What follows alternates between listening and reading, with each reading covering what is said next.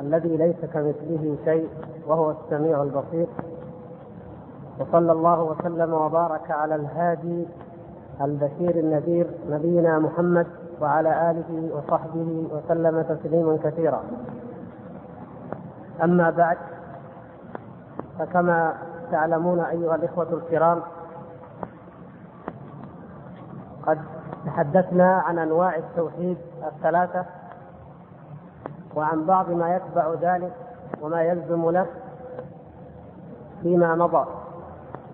والآن ننتقل إلى موضوع مهم من أهم موضوعات توحيد المعرفة والإثبات وهو موضوع نفي التشبيه عن الله سبحانه وتعالى. وموضوع التشبيه وما يتعلق به من أهم الموضوعات التي خاض فيها الناس قديما وحديثا. وما يزالون يخوضون وفي ربهم يختصمون. فمنهم من يشبه المخلوق بالخالق سبحانه وتعالى ومنهم من يشبه الخالق بالمخلوق سبحانه وتعالى أيضا عن هذا التشبيه. ومنهم من ينفي بعض صفات الله سبحانه وتعالى أو كلها بدعوى التشبيه. ومنهم من يثبت إثباتا مغاليا فيه فيقع في التشبيه وهو يظن أنه من أهل الإثبات ومنهم من يشتد أو يشتق ويغلو في نفي الشبيه عن الله سبحانه وتعالى ولكنه ينفي بذلك ما ثبت وما صح لله سبحانه وتعالى من صفاته. وهذا الموضوع جدير بنا أن نتأمله. وأن نتفهمه وأن نعيه فإنه من أهم أبواب العقيدة. لا سيما وأن الذين ضلوا في باب في أبواب العقيدة والإيمان في موضوع توحيد المعرفة والإثبات إنما ضلوا لعدم فهمهم حقيقة التشبيه من حقيقة الإثبات والتنزيه. وهذا ما سوف نشرحه بإذن الله سبحانه وتعالى ونقرأه ونتأمله في هذا اليوم. فنبدأ بسم الله تعالى من قوله رحمه الله ولا شيء مثله وهذه العبارة وحدها هي جامعة لكثير من المعاني العظيمة التي شرحها المؤلف رحمه الله تعالى. بسم الله الرحمن الرحيم. ولا شيء مثله اتفق أهل السنة على ان الله ليس كمثله شيء لا في ذاته ولا في صفاته ولا في افعاله ولكن لفظ التشبيه قد صار في كلام الناس لفظا مثلنا يراد به معنى الصحيح وهو وهو ما ذكره القران وبين عليه العبد ان ان خصائص الرب تعالى لا يوصف بها شيء من المخلوقات ولا يماثله شيء من المخلوقات في شيء من صفاته ليس كمثله شيء رد على الممثله المشبهه وهو متبع التوحيد رد على الصفات المعطله ومن جعل صفات الخالق مثل صفات المخلوق فهو المشبه المبطل المسلوب ومن جعل صفات المخلوق مثل صفات الخالق فهو دقيق النصارى في كفره ويقال فيه ان لا انه لا لا يحدث لله شيء من الصفات فلا يقال له قدرة ولا علم ولا كيان لأن العقل موصوف بهذه الصفات ولكن ما القول أنه لا يقال له حي عليم قدير لأن العبد يسمى بهذه الصفات وكذلك كلامه وسمعه وبصره وإرادته وغير ذلك. هذه الاسماء عندك كذا لأن العبد يسمى بهذه الاسماء الصفات انتقلت عينك إلى الفصل الأعلى. لأن العبد يسمى بهذه الأسماء وكذلك كلامه وسمعه وبصره وإرادته وغير ذلك وهم يوافقون على السنة على أنه موجود عليم قدير حي والمخلوق يقال له موجود حي عليم قدير ولا يقال هذا تشبيه يجب نفسه وهذا ما دل عليه الكتاب والسنة وطريق العقل ولا يقال به عاقل فإن الله سمى نفسه بأسماء وسماها عباده بها وكذلك سمى كتابه بأسماء وسمى وسمى لبعضها صفات خلقه المسمى عليما قديرا رؤوفا رحيما عزيزا حكيما سميعا بصيرا ملكا مؤمنا جبارا ومكبرا ليس المسمى كالمسمى. نكتب النقطتين اللي تحت. يعني ليس الخالق مثل المخلوق وإن سمينا هذا بشيء مثل ما سمينا به ذلك. وليس المسمى كالمسمى. سمى نفسه حيا عليما قديرا رؤوفا رقيبا عزيزا حكيما. سميعا بصيرا ملكا مؤمنا جبارا بعض عباده من يخرج الحي من وقال وبشروه بغلام عليم وقال فبشرناه بغلام تعالى رحيم وقال فجعلناه وقال قالت امراه العزيز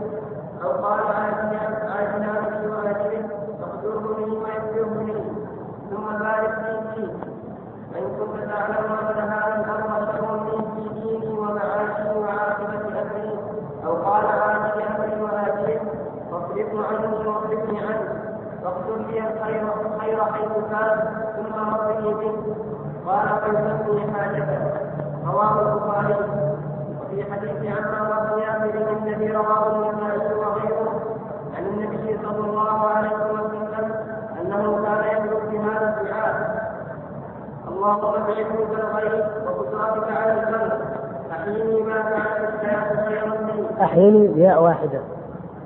بعض الطبعات فيها ياءين خطأ. أحيني ياء واحدة مكسورة. أحيني ما كانت الحياة خيرا لي وتوفني إذا كانت الوفاة خيرا لي. اللهم إني أسألك خشيتك في الغيب والشهادة وأسألك كلمة الحق في الغضب والرضا وأسألك القصد في الغنى والفقر وأسألك العلم لا ينفع وقرة عين لا تنقطع وأسألك الرضا بعد القضاء وأسألك مرض العيش بعد الموت وأسألك لذة النظر إلى وجهك الكريم والشوق إلى لقائك في غير وراء ضرة ولا تستكين مضلة اللهم سكننا سكينة الإيمان واجعلنا هداة المسلمين فقد سمى الله ورسوله بما في شان علما وقدرة وقوة وقال تعالى ثم جعل السمع بضعف وقوة وقال وإنه لما الناس ومعلوم ليس العلم كالعلم ولا القوة كالقوة ونظائر هذا كثيرة وهذا لا يدرك من العقلاء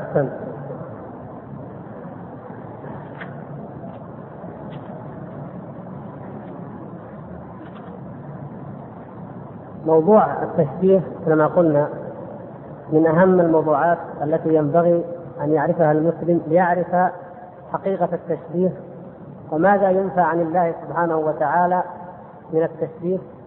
والفرق بين التشبيه وبين الإثبات فإن فيه أمورا دقيقة لا يدركها كل أحد. ومن الأمور التي ينبغي معرفتها في مبادئ أو أوليات موضوع التشبيه أن يعلم أن أكثر الخلق في أي شيء وقعوا. ما أن يعلم في أي شيء وقع أكثر الناس. هل وقعوا في تشبيه المخلوق بالخالق أم وقعوا في تشبيه الخالق بالمخلوق؟ يعني لو تأملنا قوم نوح أو قوم هود أو قوم صالح أو نحو ذلك من الأمم هل وقعوا في تشبيه الخالق بالمخلوق؟ فقالوا إن الله مثل خلقه وإن الله يشبه شيئا من عباده. أو أنهم رفعوا بعض المخلوقات حتى شبهوها بالله وجعلوها في منزلة تضاهي وتماثل ما اختص الله سبحانه وتعالى نفسه به. لو تأملنا حال الأمم لوجدنا أن أكثر شرك الأمم هو أنهم جعلوا المخلوقين كالخالق سبحانه وتعالى. وهذه حقيقة مهمة لما ينبني عليها من معرفة أن كثيرا من الخوض الذي خاض فيه المتكلمون وأجهدوا أنفسهم فيه وهو ما يتعلق بتشبيه الخالق بالمخلوقين فقط حتى أنهم نفوا الصفات الثابتة وتركوا مع ذلك الجانب الأهم أو الذي وقع فيه الناس أكثر وكلاهما مهم لكن ما وقع فيه الخلق أو ما وقع فيه أكثر الخلق أهمله المتكلمون ولم يتكلموا فيه. وهو الجانب تشبيه المخلوقين أو المخلوقات بالخالق سبحانه وتعالى. وكما تعلمون أول أمة وقع فيها الشرك هم قوم نوح عليه السلام. وقوم نوح عليه السلام شبهوا المخلوقات بالخالق سبحانه وتعالى فإن ودا وسواع ويغوث ويعوق ونسر مخلوقات أصلها أناس صالحون عباد لله تعالى من عباد الله الأتقياء الصالحين. ثم كما تعلمون لما أن صوروهم ليتذكروا بهم عبادة الله ثم غلوا في التعظيم حتى عبدوهم ثم جعلوهم آلهة.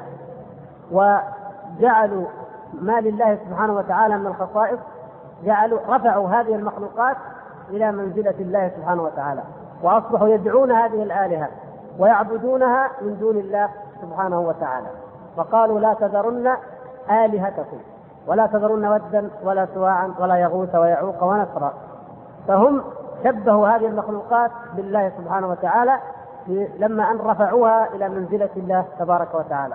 وكذلك عباد الأصنام من قوم من سائر الأقوام إلى بعثة النبي صلى الله عليه وسلم حيث كان العرب يفعلون ذلك.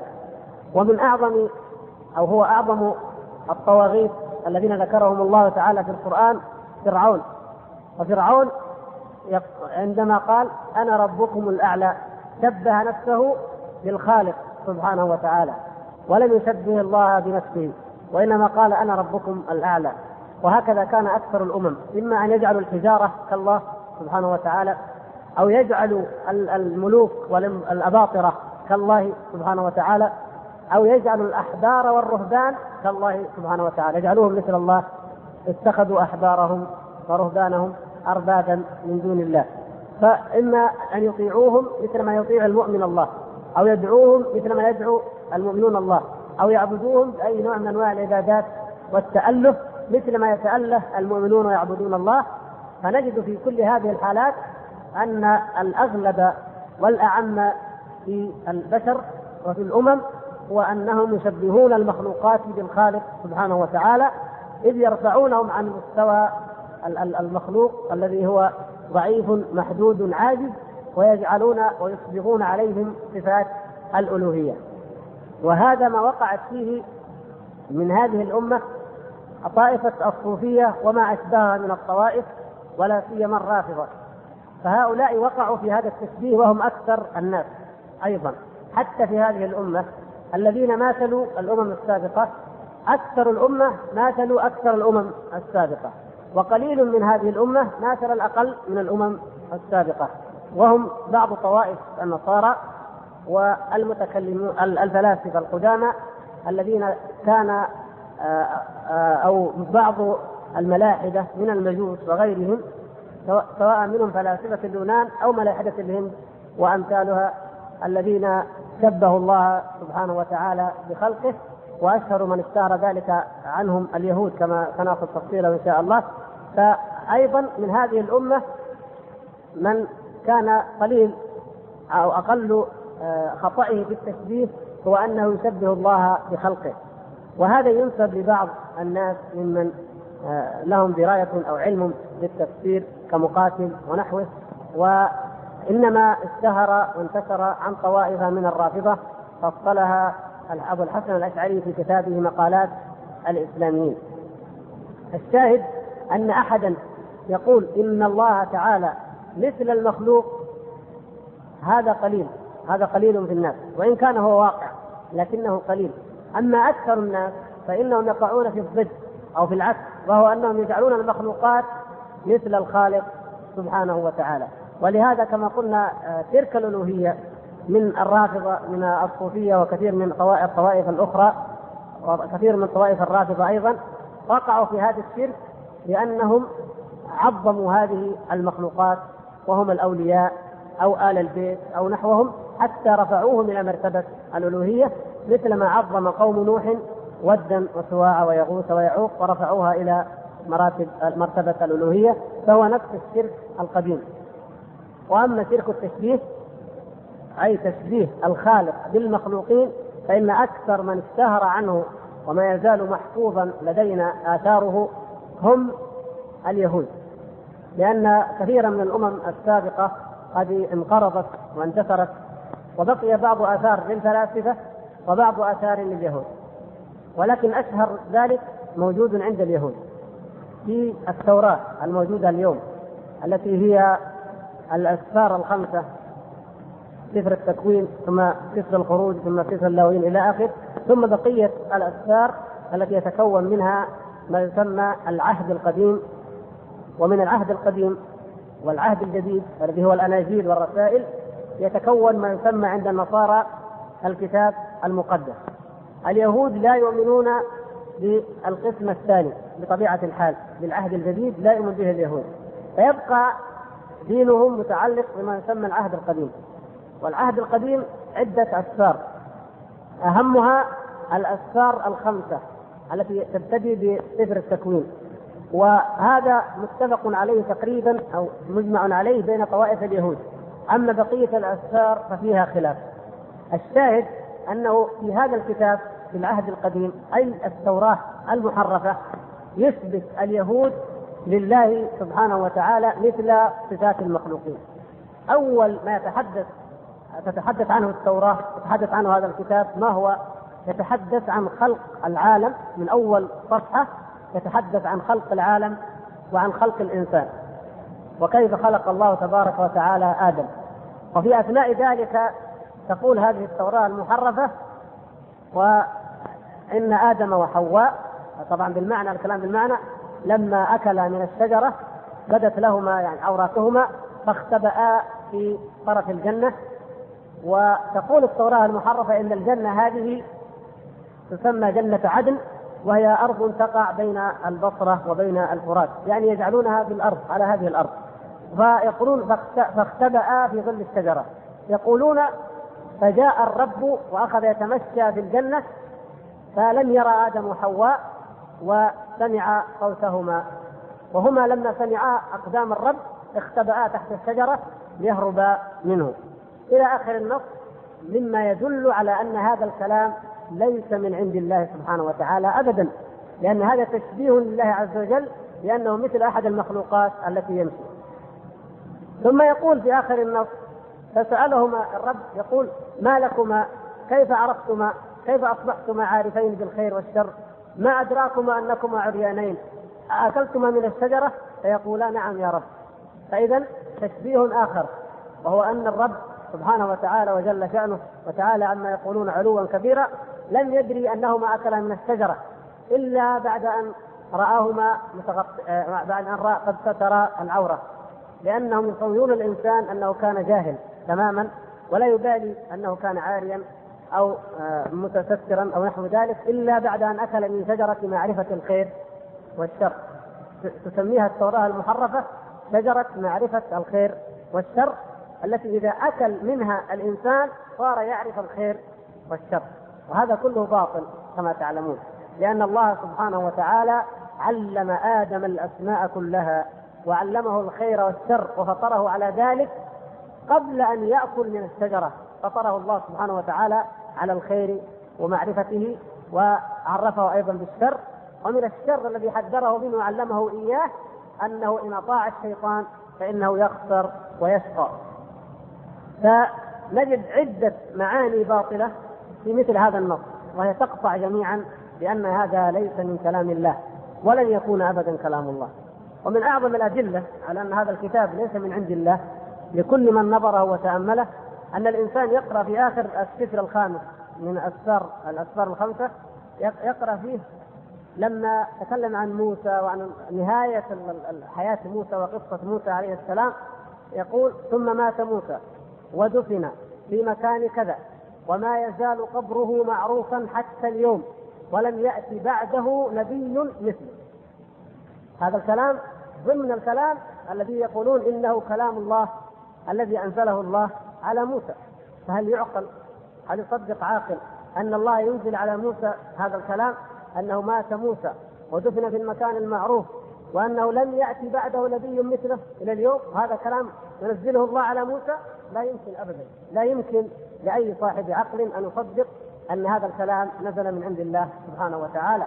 وإنما هو كما قال الله تبارك وتعالى فويل للذين يكتبون الكتاب بايديهم ثم يقولون هذا من عند الله هكذا كانوا يفعلون يكتبون الكتاب بايديهم ويشتروا به ثمنا قليلا ويفترون على الله الكذب ويقولون هذا من عند الله وما هو من عند الله سبحانه وتعالى هذا أحد ما ذكرته التوراة المحرفة في موضوع التشبيه في موضوع آخر في سفر آخر تقول التوراة المحرفة إن الله سبحانه وتعالى صارع يعقوب. نزل من السماء وتصارع. هو ويعقوب طول الليل إلى الفجر وهما يتصارعان. وفي الصباح يرى يعقوب هذا الذي صارعه وإذا به الرب ويقول أنت الرب الذي كنت تصارعني طول الليل أو طوال الليل. والعياذ بالله من هذا الكفر ومن هذا الضلال الشائن الشنيع وما ذلك إلا دليل على أن هذا ليس من عند الله سبحانه وتعالى. وأن التشبيه أي تشبيه الخالق بالمخلوقين إنما هو من أصله وجذوره من هذه الأمة الغضبية المحرفة وهم اليهود. وأيضا الله سبحانه وتعالى كما تعلمون بين لنا جانبا من تشبيه اليهود حينما قال سبحانه وتعالى وقالت اليهود يد الله مغلولة غلت أيديهم ولعنوا بما قالوا بل يداه مبسوطتان وقوله سبحانه وتعالى لقد سمع الله قول الذين قالوا إن الله فقير ونحن أغنياء. وهذا أيضا من كلام اليهود قاتلهم الله. فهم يشبهون الله سبحانه وتعالى بخلقه بأنه شحيح أو بأنه فقير أو نحو ذلك من صفاتهم هم المعروفة عنهم قبحهم الله وقاتلهم الله. ومما أيضا تذكره التوراة في هذا المجال أن موسى عليه السلام يقول للرب تعالى لما أن غضب على بني إسرائيل وعاقبهم أنه يقول يا ربي ارجع عن حمو غضبك واندم على ما فعلت بشعبك قال فندم الرب على ما فعل بشعبه والعياذ بالله. مواضع كثيرة جدا. نستدل منها أو نحاول أن نذكرها لنعرف أن التشبيه بهذا المعنى أي تشبيه الخالق بالمخلوقين إنما أصله من اليهود وإن الذين نفوا صفات الله عز وجل التي في القرآن أو في السنة وقالوا ننفي التشبيه عن الله أنهم شبهوا القرآن الذي قال الله تبارك وتعالى فيه إنا نحن نزلنا الذكر وإنا له لحافظون شبهوه بالتوراة المحرفة التي كتبها الأحبار والرهبان بأيديهم وغيروا فيها وبدلوا. فلما قالوا نعرض القرآن على العقل وننظر ما ذكر من الصفات فما أثبته العقل منها أثبتناه. وما نفاه العقل ننفيه لأنه يستلزم التشبيه هذا الكلام هو نفس ما قاله الفلاسفة وأمثالهم لما قرأوا التوراة المحرفة. وقالوا لا يمكن أن يكون الله مثل ما تقول يمشي كما تقول التوراة المحرفة يمشي كالبشر في الأرض وحتى يبحث عن الناس بين الشجر. ولا يمكن أن يكون يجهل ولا يمكن أن يكون يصارع المخلوقين كأنهم من البشر. اذا قالوا نعرض هكذا قال بعض الفلاسفة قالوا إذا نعرض التوراة ما في التوراة على العقل لم يكن عندهم معيار ليس عندهم معيار لأن أعظم المعايير كما تعلمون وأعظم الموازين هو الكتاب والسنة هو الوحي. فإذا كان التحريف واقعا في الكتاب نفسه إذا ما المعيار؟ يرجعون للعقل. قالوا نقرأ فما وجدنا عقولنا تثبته أثبتناه وما وجدنا عقولنا تنفيه نفيناه. وقالوا هذا الكلام يجب أن ينفى عن الله يجب أن ينفى بالعقل هكذا. لا ما عندهم مصدر آخر. فأيضا جاءوا إلى القرآن وقالوا أيضا نقرأ القرآن وننظر. ما دام القرآن أثبت يد ننفي اليد. أثبت الاستواء ننفي الاستواء. أثبت كذا ننفي كذا. إذا هم شبهوا القرآن بالتوراة المحرفة التي كتبها بشر من عند أنفسهم ولم ينزل الله سبحانه وتعالى في أي كتاب من كتبه ما فيه تشبيه له بخلقه أبدا سبحانه وتعالى بل أعظم الحقائق التي يبينها الله تبارك وتعالى في كتبه هي ما يتعلق به بمعرفته وما يستحقه من نعوت الجلال والأسماء الحسنى والصفات العليا وبما يجب له من حق على العباد وهو توحيده سبحانه وتعالى وإفراده وحده دون أحد سواه. فهذا مما وقعت فيه هذه الأمة الغضبية اليهود. ثم لما ظهرت في الإسلام ملة الرافضة وكما تعلمون وأظن قد تحدثنا عن ذلك أن أصل دين الرافضة هم اليهود. ولهذا لم ي... ليس غريبا أن يكون أن تكون الطائفة المشتهرة بالتشبيه في أمة الإسلام هي الرافضة. ليس هذا غريبا لأن عبد الله بن سبأ الذي أسس دين الرافضة هو يهودي. كما تعلمون خرج من صنعاء من يهود اليمن وجاء وبذر الفتنة والشقاق عند العوام عند بعض الصغام واستجاب له إما منافق كان مختبن مختبن نفاقه على عهد النبي صلى الله عليه وسلم أو على عهد أبي بكر وعمر إلى أول صدر خلافة عثمان وإما جهال وإما وهذا أيضا يدخل ضمن المنافقين إما الذين أسلموا خوفا ولكن الحقد يأكل قلوبهم على هذا الدين وذلك من أهل الكتاب أو من المجوس ولا سيما المجوس الفرس العجم لأن هؤلاء القوم دك الإسلام ملكهم وشتت قوتهم وأباد دولتهم وهدم معابدهم وسحقهم سحقا تاما بخلاف الغرب بخلاف النصارى كما تعلمون لأن الإسلام في أول أمره إنما احتل بلاد الشام.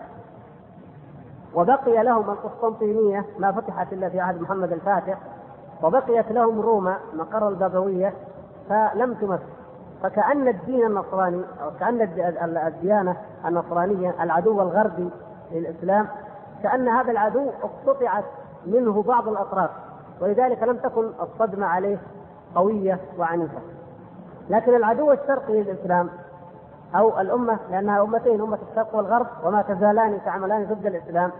المجوس الفرس هؤلاء دك الإسلام ارض أرضهم بالكامل وسحقها وتقدم منها إلى أرض الهند وإلى أرض الصين وإلى بلاد الروم فهذه الأمة يعني انطحنت وتدمرت تدميرا كاملا.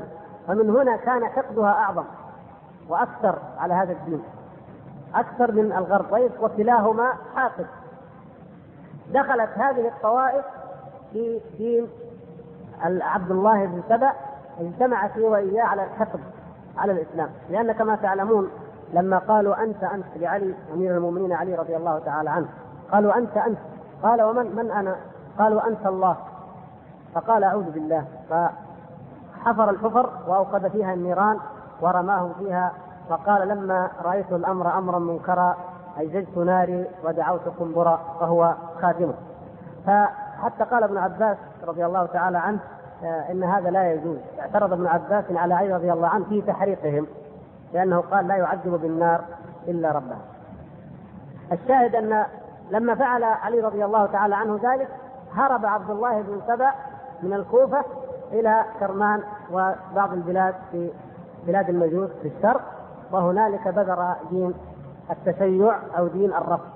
ومن هنا أوجد في دينهم التشبيه ولهذا نجد كما قلت في كتاب مقالات الإسلاميين لابي الحسن الأشعري ذكر طوائف كثيرة جدا من طوائف الرافضة والشيعة طوائف كثيرة لا تعد ولا تحصى كثير منها يثبت التشبيه.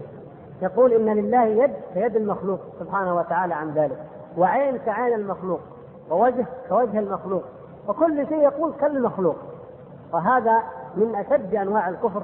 أجارنا الله تعالى وإياكم من ذلك وأعاذنا منه. وهذا مما حاربه أهل السنة والجماعة. وقالوا وقالوا من شبه الله بخلقه فقد كفر.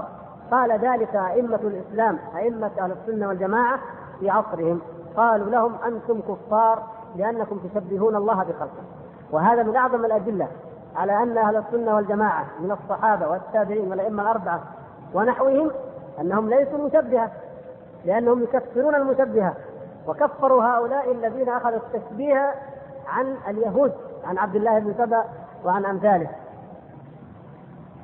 بقي قضية قد قد تقولونها أو قد تفاجؤون بها مثلا أن يقال هل الرافضة اليوم على دين التشبيه أو على يعتقدون التشبيه؟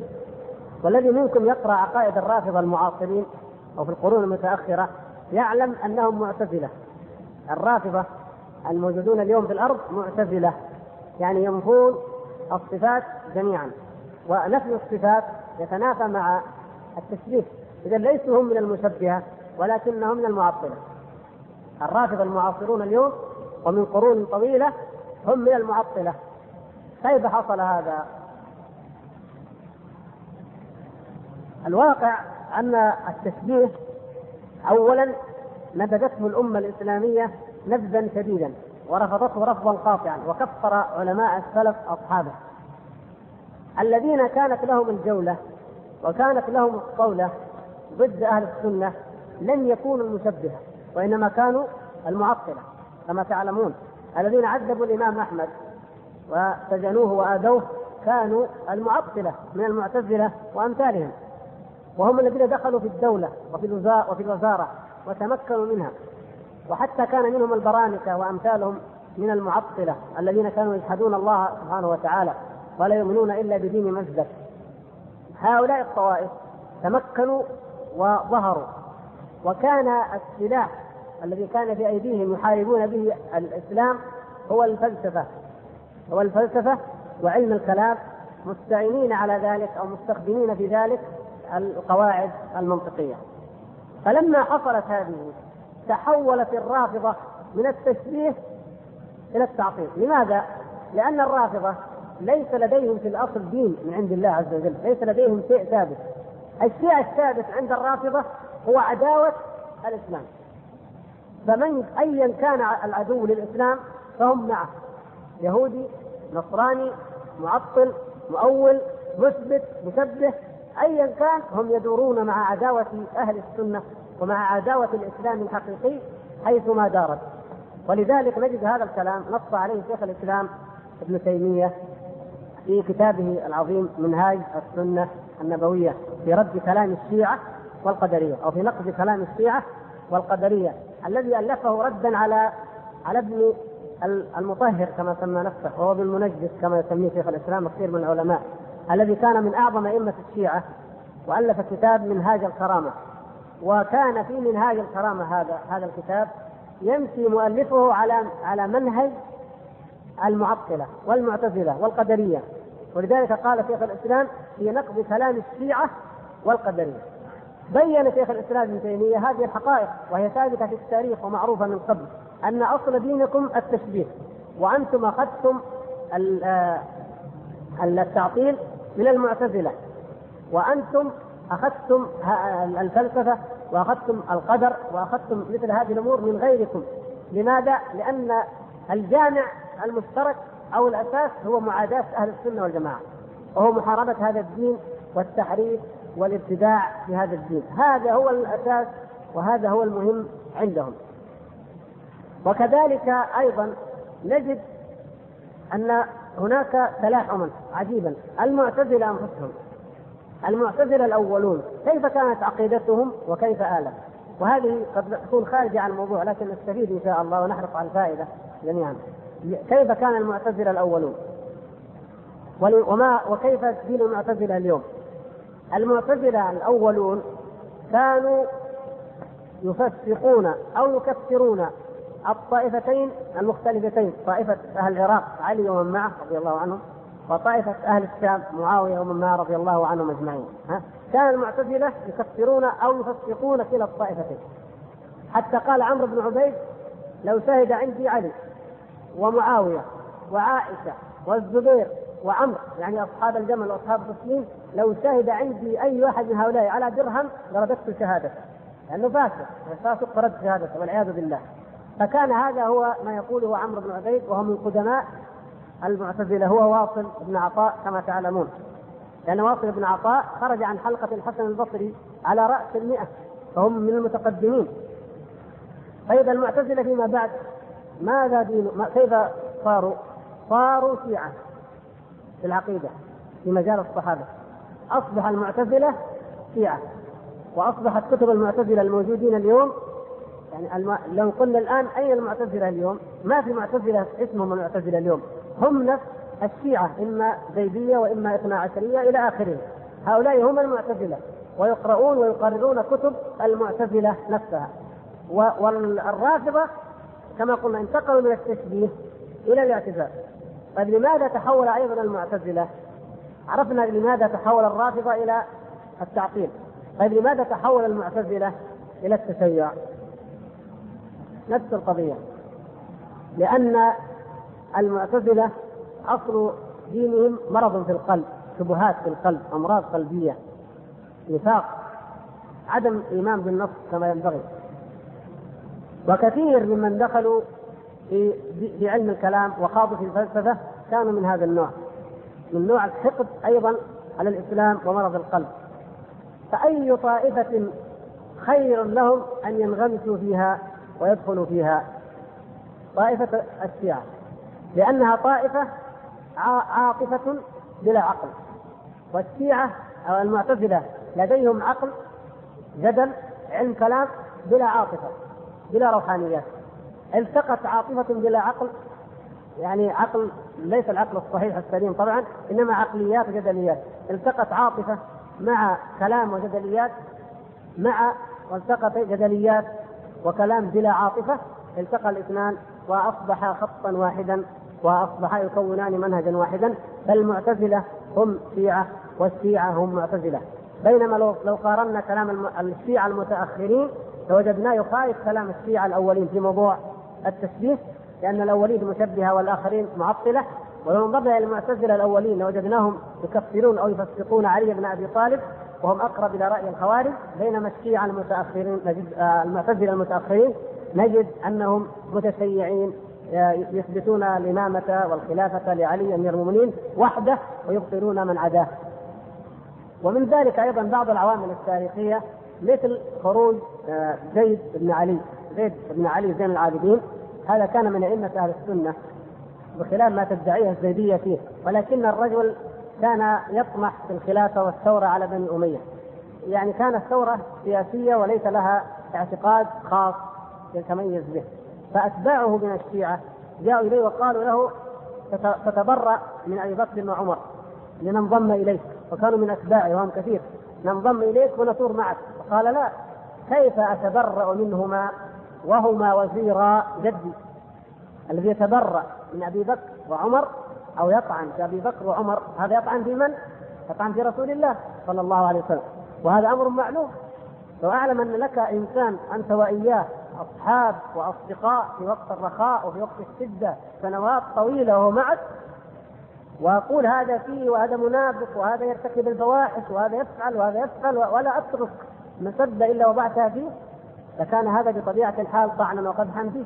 هذا أمر يعرفه جميع العقلاء. فقال زيد بن علي زين العابدين ابن الحسين قال كيف أتبرأ منهما وهما وزيرا جدي؟ لا يمكن هذا. قالوا إذا نرفضك ونرفض ما تدعون إليه.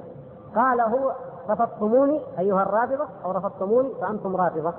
فقيل إن أصل تسميتهم الرافضة هو من ذلك اليوم. وإن شاء الله يأتي له موضوع آخر ونتحدث عن أسباب نشأتهم وعن أسباب تسميتهم. فعلي زيد بن علي هذا قال لا نحن لا نتبرأ من إمامة أبي بكر وعمر رضي الله عنهم مع اعتقادنا أو هكذا قالت الزيدية من بعده مع الاعتقاد بأن الإمام الحق والأولى بالإمامة هو علي. كيف تقولون ذلك؟ قالوا نقول أنه تجوز إمامة المفضول مع وجود الفاضل. فإمامة أبي بكر صحيحة وإمامة عمر صحيحة مع وجود الفاضل أو الأفضل وهو علي فإمامة الكل صحيحة لكن الأفضل هو علي. هكذا قالت الزيدية وخالفت الزيدية بذلك الرافضة الغلاة أو الشيعة الغلاة الذين يكفرون الشيخين أو يتبرؤون منهما على الأقل. لأنه كما سبق معنا أن الشيعة منهم المفضلة وهم الزيدية هؤلاء ومنهم السدادة الذين يسبون ويشتمون الشيخين ومنهم وهم الأخبثهم الغلاة المكفرة. الذين يكفرون الشيخين أو الصاحبين. إذا عرفنا ما قاله المؤلف آه، أو الشارح رحمه الله تعالى هنا. لكن نعود من أول الكلام فنقول إن أهل السنة اتفقوا على أنه تعالى ليس كمثله شيء. وهذا الكلام وسط أهل السنة فيه وسط بين المعطلة وبين المشبهة هم أي أهل السنة والجماعة هم الذين عرفوا حقيقة الإثبات وعرفوا حقيقة التنزيه لأنهم اتبعوا ما جاء في الدليل ما جاء في الكتاب وفي السنة. من أعرف الناس؟ من أعرف؟ أعرف شيء؟ أعرف شيء بما بما يثبت لله؟ الله سبحانه وتعالى. فنثبت له ما أثبت سبحانه وتعالى لنفسه. ومن أعرف الناس بما نثبت لله سبحانه وتعالى؟ الرسول صلى الله عليه وسلم. ونثبت له ما أثبته لنفسه ما أثبته لربه. وكذلك في المقابل ما نفاه الله عن نفسه أو ما نفاه رسوله عنه فإننا أيضا ننفيه. هذا هو منهج أهل السنة والجماعة. فهم ينفون التشبيه. إذا قيل لك أهل السنة والجماعة ما موقفهم من التشبيه ينفون التشبيه. ما الدليل على ذلك؟ قوله تعالى ليس كمثله شيء وهو السميع البصير. ونحوها من الآيات. لكن يأتيك أحد فيقول طيب إذا الذين يقولون نقرأ نحن في بعض الكتب يقولون وننفي عن الله ما يشبه المخلوقين كاليد والاستواء وكذا وكذا لأن هذا من التشبيه. نقول أيوة. من أجل ذلك يقول المؤلف رحمه الله لكن لفظ التشبيه كلمة التشبيه صارت كلمة مجملة تحمل معنيين معنى صحيح ومعنى باطل. واحد يقول لك أنا أنفي التشبيه. هناك يعني يحتمل معنيين. إما أن يكون من أهل السنة فينفي التشبيه بمعنى أنه ينفي عن الله تبارك وتعالى ما لا يليق به مما هو من صفات المخلوقين وإما أن يكون ينفي التشبيه أي من المعطلة الذين ينفون عن الله سبحانه وتعالى بعض صفاته ويقولون إننا ننفيها عنه لأنها تقتضي أو تستلزم أو توهم التشبيه ونحو ذلك من العبارات. فالمؤلف يقول لفظ التشبيه قد صار في كلام الناس لفظا مجملا. يراد به المعنى الصحيح وهو ما نفاه القرآن ودل عليه العقل من أن خصائص الرب تعالى لا يفهم كمثله شيء وهو السميع البصير. قال ابن أبي دواد لا نكتب ليس كمثله شيء وهو العزيز الحكيم. يعني يظن أن العزيز الحكيم أنها لا تقتضي التشبيه في نظره. لأن المخلوقات نقول العزيز الحكيم قليل أو ما ما توصف بذلك. لكن السميع البصير موجود الدواب الحيوانات الحشرات. فقلب الآية وغير من عنده حتى ينفي هذا التشبيه بزعمه. فالشيخ الشنقيطي رحمه الله يقول ابدا إثبات هذه الصفة التي يشترك في الاسم في الاسم في تسميتها يشترك أكثر المخلوقات فيه دليل على أن الله أولى بإثبات هذه هذه الصفات وهذا الكمال. لكن هل هذا الإثبات فيه تشبيه؟ لا. لأنه أول الآية قال ليس كمثله شيء. نفى التشبيه ثم أثبت لله سبحانه وتعالى ما يليق به من الإثبات. فقوله تعالى ليس كمثله شيء رد على الممثلة المشبهة وقوله وهو السميع البصير ردا على النفاة المعطلة. يقول فمن جعل صفات الخالق مثل صفات المخلوق فهو المشبه المبطل المذموم مثل ما قلنا كاليهود والرافضة وأمثالهم. ومن جعل صفات المخلوق مثل صفات الخالق فهو نظير النصارى في كفرهم. فهو نظير النصارى الذين قالوا إن عيسى إله. ويراد به أنه لا يثبت لله لا يثبت لله شيء من الصفات. يعني يراد بنفي التشبيه نفي صفات الله سبحانه وتعالى. والناس في هذا على مراتب على درجات سيأتي تفصيلها فيما بعد. لكن يجمعهم جميعا شبهة واحدة هي ما ذكره المؤلف رحمه الله سبحانه وتعالى هنا. يعني مراتب منهم من من ينفي جميع الأسماء وجميع الصفات.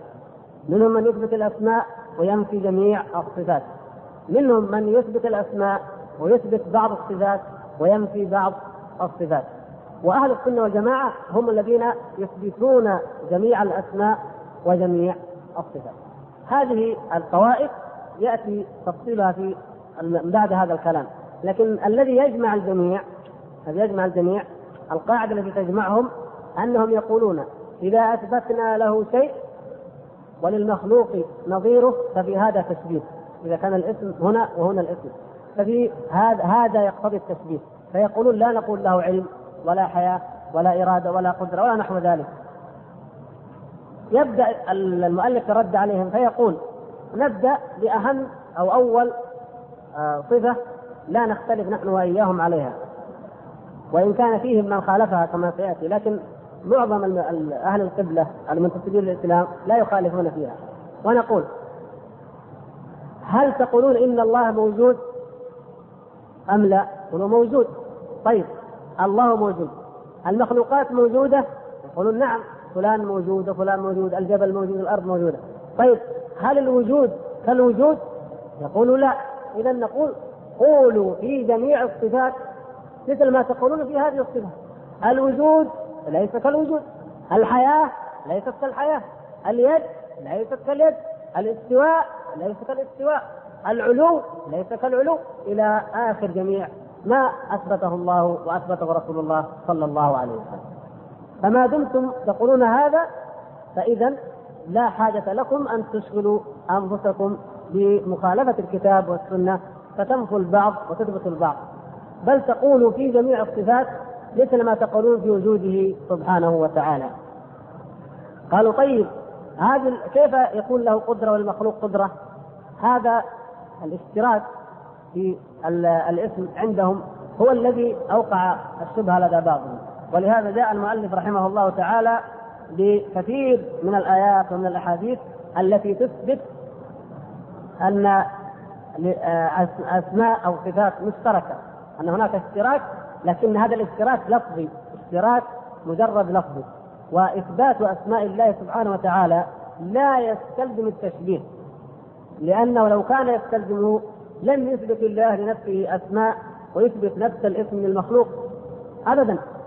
ويذكر من ذلك آيات كثيرة جدا. مثلا الله سبحانه وتعالى سمى نفسه حيا عليما قديرا رؤوفا رحيما عزيزا حكيما. إلى آخر ما مر من ايات وسمى المخلوقات بذلك. عندما قال الله تعالى يخرج الحي من الميت. يخرج الحي من الميت. وقال الله لا إله إلا هو الحي القيوم. هل الحي الذي هنا مثل الحي الذي هنا؟ لا. اذا إثبات هذا لا يقتضي التشبيه ويقول تعالى وبشروه بغلام عليم. أو بشرناه بغلام حليم وهو يعقوب. لما بشر به إبراهيم عليه السلام. والله سبحانه وتعالى هو العليم وهو الحليم. ويقول عن النبي صلى الله عليه وسلم بالمؤمنين رؤوف رحيم. وكما تعلمون انه وصف الله تعالى نفسه في ايات كثيرة بأنه غفور ورحيم. ورؤوف رحيم. وكذلك السميع البصير التي كما قلنا الشيخ الشنقيطي يقول هذه معظم المخلوقات الإنسان يقول الله سبحانه وتعالى آه، هل أتى على الإنسان حين من الدهر لم يكن شيئا مذكورا؟ إنا خلقنا الإنسان من نطفة امشاج نبتليه فجعلناه سميعا بصيرا. طيب ويقول ليس كمثله شيء وهو السميع البصير. هل هذه السميع البصير هنا مثل هذه هنا؟ لا. وهكذا. نثبت لله قدرة سبحانه وتعالى. ونثبت لله علم. العلم أو القدرة ليست هي اسم وإنما هي صفة. كيف هذا؟ مثلا العليم نوضح ذلك. العليم اسم. العزيز اسم. الحليم اسم. الرحيم اسم. الملك اسم. هذه أسماء الله التي ذكرها في القرآن.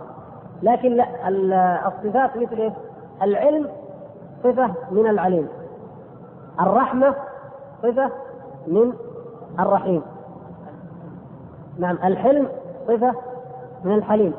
العزة صفة من العزيز. وهكذا. نجد أن القدير والقدرة. القدير جاء مثلا كما تعلمون في القرآن آيات كثيرة. طيب القدرة جاءت أيضا. هذا حديث الاستخارة. جاءت فيها العلم وجاءت في اللهم إني أستخيرك بعلمك وأستقدرك بقدرتك وأسألك من فضلك العظيم إلى آخر الحديث. فإنك تقدر ولا أقدر. يعني إثبات القدرة وإثبات العلم لله سبحانه وتعالى. هذه صفة العلم وهذه صفة القدرة. والعزة جاءت في القرآن. فبعزتك. لا اغوينهم أجمعين. قالها إبليس اللعين وأثبتها لله. فكيف ينفيها عنه؟ بعض من يدعون أنهم من المسلمين. وكذلك الرحمة. وكثير من الصفات. وهناك ما يسمى بالدلالة.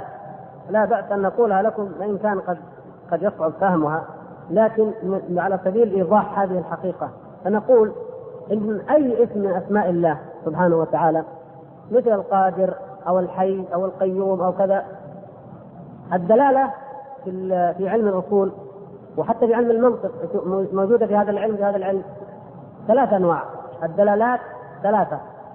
يعني بالنسبة للألفاظ دلالة الألفاظ على المسمى. وإلا هناك دلالات وضعية، دلالات عرفية، دلالات هذه لا نحن نتكلم في الدلالة اللفظية. يعني مثل إيش الدلالة الوضعية؟ مثلا لو وضعنا حد حد آه يعني بين أو بترة بين أرض فلان وأرض فلان، هذا البترة هذه القائمة خشبة أو حجر هذا دلالة يدل على أن هذا الحد وهذا الحد لكن هذه دلالة لفظية لا هذا شيء موضوع الدلالة اللفظية لما نتكلم بأي كلمة لما نطلق أي اسم له ثلاث دلالات. فمثلا زيد.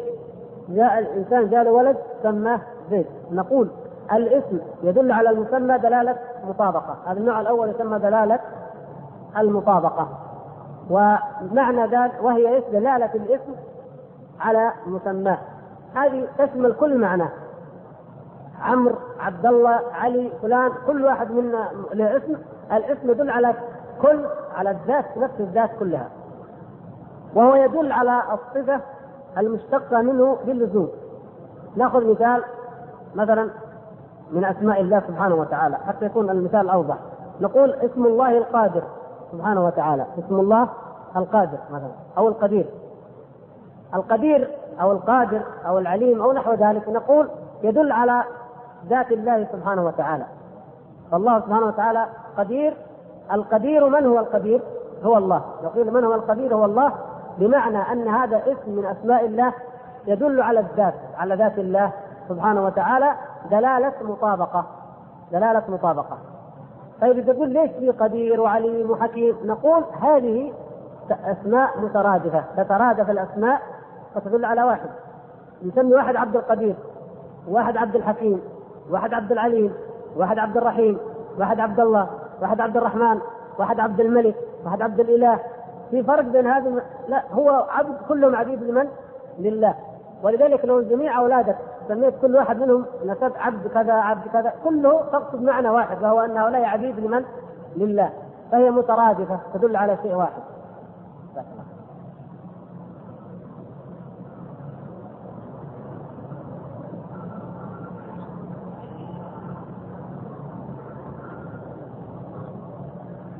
إذا دلالة المطابقة أن الاسم يدل على المسمى وإن كثرت أو تعددت الأسماء أسماء الله سبحانه وتعالى فهي من أمداد المترادف. دلالة اللزوم أن نقول أن القدير يستلزم القدرة. كون الله تعالى قديرا يستلزم أن نثبت له القدرة. كون الله سبحانه وتعالى حيا يستلزم أن نثبت له الحياة كون الله سبحانه وتعالى رحيما يستلزم أن نثبت له الرحمة. كون الله سبحانه وتعالى ملكا يستلزم أن نثبت له الملك. وهذا وارد في الآيات وفي الأحاديث أو بعض هذه الصفات. طيب. دلالته على بقية الصفات بالتضمن الدلالة الثالثة بعد دلالة المطابقة بعد دلالة اللزوم دلالة التضمن. كيف التضمن؟ عندما نقول الله قدير أو الله حليم. هل هذه الصفة هل هذا الاسم يدل على أن الله حي؟ نعم يدل لأنه ما دام قلنا أنه قدير فهو إذا حي. يدل على ماذا؟ على صفة أخرى. دلالة الاسم على صفة أخرى غير الصفة التي يشتق تشتق منه تسمى دلالة تضمن. لماذا ذكرنا هذه القاعدة وأخذنا؟ لأننا سوف نقرأ كلام المؤلف عند تقسيم الطوائف الأربع في موضوع التشبيه هناك طوائف نفت جميع الأسماء ونفت جميع الصفات. هذه الطائفة خارجة من الملة. لماذا؟ لأنها نفت ما ثبت في القرآن وما ثبت في السنة. فهي أصل خارجة من الملة لأنها لم تثبت إلا وجودا مطلقا لا يوصف بأي شيء. وهي الجهمية. الطائفة الأخرى المعتزلة قالوا لا نحن نثبت الأسماء فقط والأسماء تدل على الذات. دلالة واحدة فقط. ولكن لا نثبت لا تضمن ولا لزوم. يعني قالوا نثبت أنه قدير لكن ما نثبت له قدرة. نثبت أنه عليم نقول اسمه اسمه العليم. طيب له صفة العلم؟ لا. العلم السمع البصر كلها عندهم أسماء لشيء واحد بموضوع واحد فقط. لا يعني لا لا تختلف كونك وصفت الله بأنه عليم أو حليم أو عزيز أو حكيم لا يختلف عندهم في شيء. لماذا؟ لأنها كلها مجرد مترادفات فقط لا تدل على آه، صفات لا يشتق منها صفات لله سبحانه وتعالى فالمعتزلة يثبتون الأسماء وينفون الصفات فلا يصفون الله سبحانه وتعالى بشيء من الصفات التي تشتق من أسمائه سبحانه وتعالى بطريق اللزوم عند أهل السنة والجماعة الأشاعرة ماذا قالوا؟ قالوا لا نحن نثبت الأسماء ونثبت سبع صفات أو 11 أو 13 بعضهم يجعلها 20 لكن هي أصلها سبع لكن يركب منها تصير 20 فقط. طيب الباقي؟ قالوا لا. هذه الصفات التي نثبتها هي الصفات العقلية. العلم والحياة والإرادة والكلام والسمع والبصر هذه صفات عقلية نثبتها لله. أما الصفات الصفات الأخرى يسموها صفات خبرية لا نثبتها لله. الغضب الرضا اليد الاستواء العلو لا يثبتها الأشاعرة يقول هذه صفات خبرية دل عليها الخبر أي دل عليها الوحي. أما التي دل عليها العقل الحياة والعلم والإرادة إلى آخره فهي صفات عقلية نثبتها لأن العقل دل عليها. الذين نفوا الجميع والذين نفوا البعض والذين نفوا أيضا بعض البعض كلهم متفقون على شيء واحد هو تحكيم العقل. ليس فقط الأشعرية الأشاعرة هم قالوا صفات عقلية وصفات خبرية وإلا فغيرهم ينفي الصفات لأن العقل كما يزعم يدل على نفيها.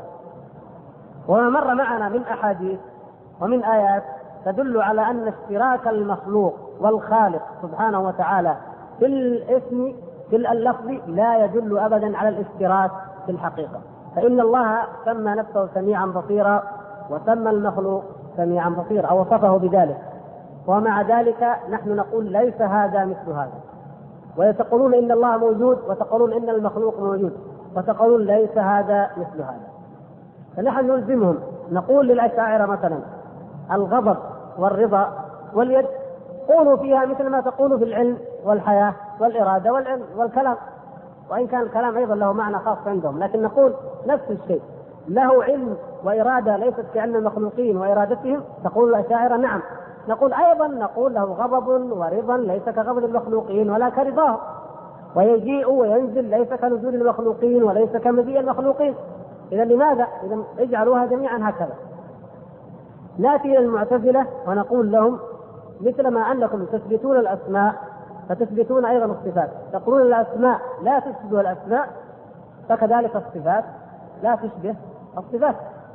ونأتي الذين ينكرون جميع الأسماء وجميع الصفات إلا إثبات وجود مطلق وهم الجهمية وهم خارجون من الملة. ونقول لهم أيضا لماذا تقعون في هذا؟ وأنتم تقولون وجود مطلق. هذا الوجود يشبه وجود المخلوقين؟ يقولوا لا لا يشبه. طيب قل في الحياة وفي الإرادة وفي العلم وفي اليد وفي كل شيء مثل ما قلت في الوجود. يبقى طائفة رابعة أو خامسة أخيرة وهي التي تنفي وجود الله نهائيا وهذه هذا أمر آخر وقد سبق الحديث عنه ويأتي الكلام بقية الكلام عنه ها هنا. ومن هنا يبدأ قول المؤلف رحمه الله فإن يعني فإن من نفى صفة من صفاته. يعني المؤلف أي الشارح طبعا بدأ يرد على الذين يثبتون البعض بعض الصفات وينكرون البعض وهم الأشاعرة ثم يأخذهم واحدة واحدة حتى ينتهي إلى الآخر. فنحن نقرأها ونوضحها إن شاء الله. تفضل. فإن من نفى فإن من نفى صفة صفة صفاته التي وصف الله بها نفسه كالرضا والغضب والحب والبغض ونحو ذلك. ذلك يستكبر وزعم وزعم. اشطب النقطة اللي فوق الغير واجعلوها فوق الزاء وزعم أن ذلك. وزعم أن ذلك يستلزم التشبيه والتجسيم فأنت تثبت له الإرادة والكلام والسمع والبصر. مع أن ما تثبته له ليس مثل صفات المخلوقين. فقل فيما نفيته وأثبته وأثبته الله ورسوله مثل قولك فيما أثبته إذ لا فرق بينهما. هذا هذه الطائفة الأولى. هذه الأشاعرة الطائفة الأولى. الطائفة الثانية فإن قال فإن قال أنا أنا لا أثبت شيئا من هؤلاء من؟ المعتزلة. قيل له فأنت تثبت له الأسماء الحسنى مثل عليم وحي وقادر والعبد يسمى بهذه الأسماء. وليس ما يثبت لربه من هذه الأسماء مماثلا لما يثبت للعبد؟ فقل في صفاته نظير قولك في مسمى أسمائه فإن قال وأنا لا أثبت له الأسماء الحسنى بل أقول هي مجاز. وهي أسماء لبعض المبتدعات كقول غلاة الباطنية والمتفلسفة قيل له فلا بد أن تعتقد أنه موجود وحق قائم بنفسه والجسم موجود قائم بنفسه وليس هو مماثلا له. فإن قال أنا لا أثبت شيئا بل أنكر وجود الواجب قيل له معلوم بطريق العقل أن الموجود إما واجب بنفسه وإما غير واجب بنفسه وإما قديم أزلي وإما كائن بعد أن لم يكن وإما مخلوق مفتقر إلى خالق وإما غير مخلوق ولا مفتقر إلى خالق وإما فقير إلى ما سواه وإما غني عما سواه وغير الواجب بنفسه لا يكون إلا بالواجب بنفسه والحادث لا يكون إلا بقديم والمخلوق لا يكون إلا بخالق والفقير لا يكون إلا بغني عنه. فقد نجم على تقدير النقيضين وجود موجود واجب بنفسه قديم ازلي صالح غني عما سواه وما سواه بخلاف ذلك. وقد علم بالحس والضروره وجود موجود حادث دائما بعد أن لم يكن.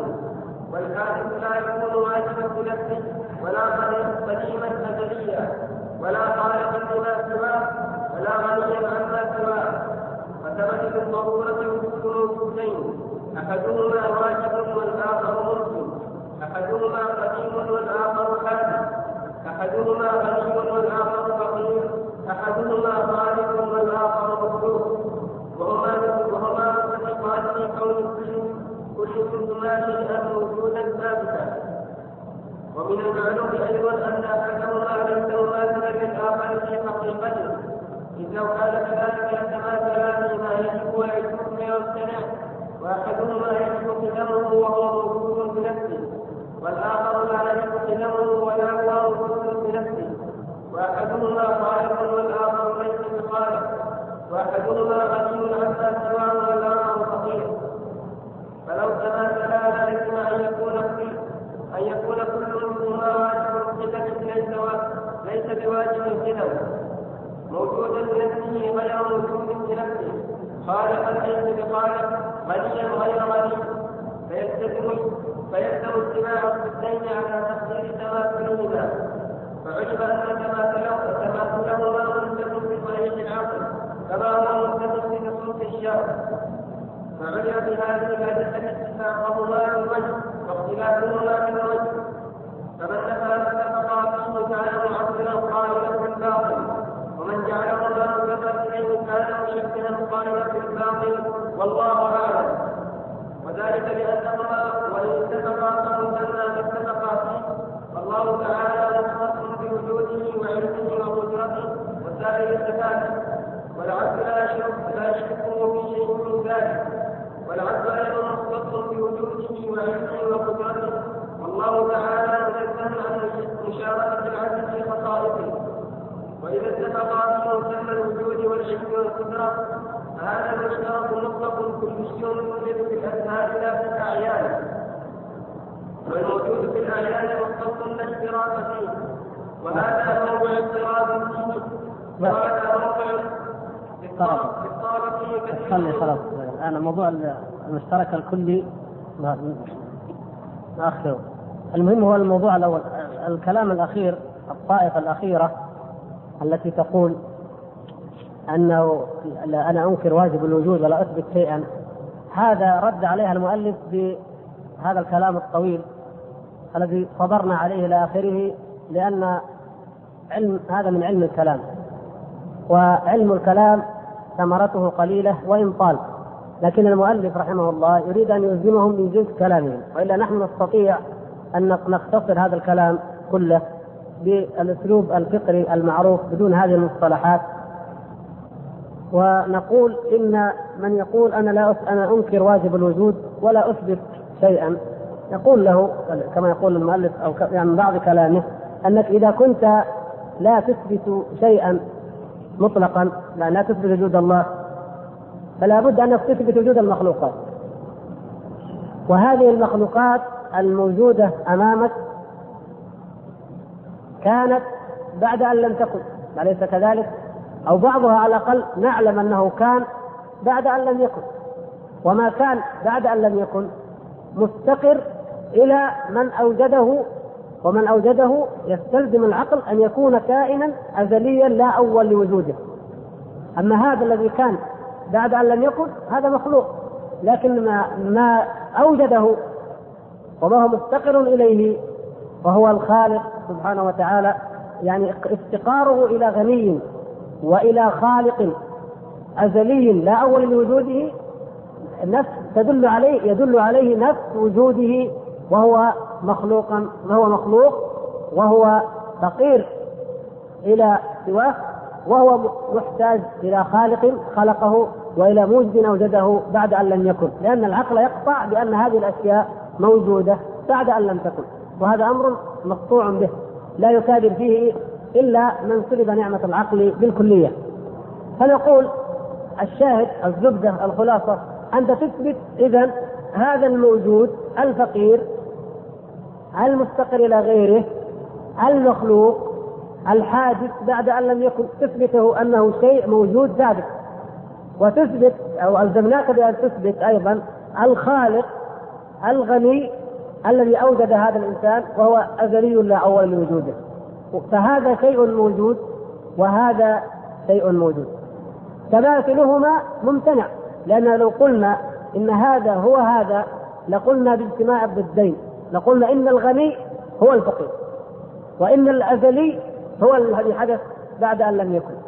إذا لابد أن نقول والخالق هو المخلوق هذه متضادات إذا لابد أن نقول إن لهذا وجود مستقل وصفات مستقلة ولهذا وجود مستقل وصفات مستقلة عن الآخر. فإذا الاشتراك في كونهما موجودين كلاهما موجود لا يستلزم الاشتراك في الصفات. إذا فيجب عليك أن تثبت أسماء الله وأن تثبت صفات الله سبحانه وتعالى. فإذا الشاهد من هذا نقول أو الخلاصة أيضا اذا هما متفقان من وجه ومختلفان من وجه. متفقان في الاسم أن هذا يسمى شيء ويسمى موجود ولكن مختلفان في الحقيقة فهذا وجوده هذا وجود كمال قديم أزلي لا نقول قديم لكن نقول أن وجوده أزلي وهذا وجوده حادث.